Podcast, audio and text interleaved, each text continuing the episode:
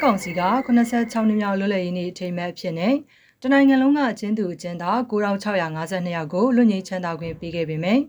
နိုင်ငံရေးကြောင့်ပြည်ထောင်ချမှတ်ခံရတဲ့နိုင်ငံရေးကျဉ်းသား200ကျော်သာပါဝင်နေတာကို DVB အနေနဲ့စုံစမ်းသိရပါဗျ။ရန်ကုန် AR နဲ့မွန်စတဲ့ဒေသတွေကလွယ်ပြီးနိုင်ငံရေးကျဉ်းသားပါဝင်မှုကအလွန်နှဲပါနေတာလည်းဖြစ်ပါတယ်။လွတ်ငြိမ်းနဲ့ပါဝင်တဲ့အကျဉ်းသား9000ကျော်က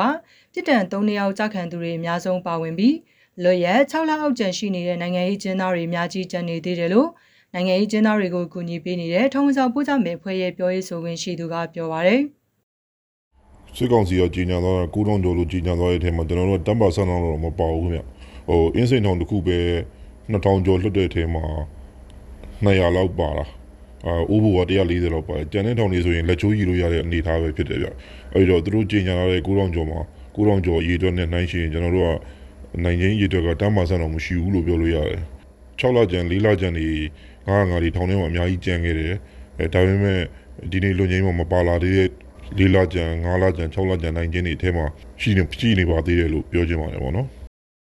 တောင်ငူထောင်နဲ့မြကြီးနားထောင်တွေမှာဆိုနိုင်ငံရေးကျင်းသားလုံးဝပါဝင်လာခြင်းမရှိဘူးလို့လည်းမိသားစုဝင်နဲ့ဒေသခံတွေရဲ့ပြောကြားချက်အရသိရပါဗျ။အင်းစိန်ချင်းထောင်ထဲမှာငါးငါးကာကြီးနဲ့ပြည်တံချမှတ်ခံရတဲ့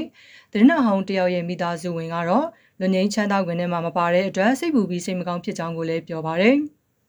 ဟုတ်မပါပါဘူးဗျကျွန်တော်မနေ့ကရှင်းနေလဲကိုကြီးရှင်းနေလဲလမ်းပြီးတော့မေးကြည့်တော့မပါဘူးဗျဟုတ်ကဲ့ပါဗျဟုတ်ပြောနေတာပါလေဗျမိသားစုဝင်နေလဲပြောနေတာပါလေသူတို့ကသူကတော့ကျမ်းမာကြီးလဲအပြင်မှာအလွတ်တန်းတင်နောက်ဘွားတော်ကလည်းသူကကျမ်းမာကြီးမကောင်းတော့သူ့တက်ကိုစိတ်လဲပူတယ်ဗျဟိုစိတ်လည်းမကောင်းဖြစ်နေရပေါ့နော်ကျွန်တော်တို့ကလည်းမျောနေတာပေါ့အခုဟိုဒီလွတ်လပ်ရေးနေမှာမပါတဲ့အတွက်ကြောင့်လည်းစိတ်မကောင်းတော့ဖြစ်မိပါတယ်ဗျဟုတ်ကဲ့ဘယ်တက်နိုင်မလဲကျွန်တော်အပြင်ထားပါတယ်ဗျဟုတ်ကဲ့ပါဗျ လွတ်မြောက်လာတဲ့နိုင်ငံရေးကျင်းသားတွေတဲ့တာယာရီမြို့နယ်ရဲ့ NLD လွှတ်တော်ကိုယ်စားလှယ်ဦးအောင်မြင့်ဦး AR တိုင်း NLD လူမှုရေးဝန်ကြီးဒေါက်တာလှမြတ်တွေမန္တလေးမြို့တော်ဝန်ဒေါက်တာရဲပင်ဦးမန္တလေးမြို့တော်စီပင်တာယာရေးကော်မတီဝင်ဦးကျော်စီရနဲ့တပုံတရင်တော်ကိုကောင်းဆက်လင်းတို့လည်းပါဝင်ပါတယ်စစ်ကောင်စီကနိုင်ငံတကာရဲ့ PR တွေကိုရှော့ချဖို့အတွက်သာအကျဉ်းသားတွေကိုလွတ်ငြိမ်းခွင့်ပေးတာဖြစ်တယ်လို့နိုင်ငံရေးကျင်းသားများကုညီဆောင်ရှောက်ရေးတင် AAPP ရဲ့တာဝန်ရှိသူတယောက်ကပြောပါတယ်ကျွန်တော်တို့အချက်လက်တွေကဟို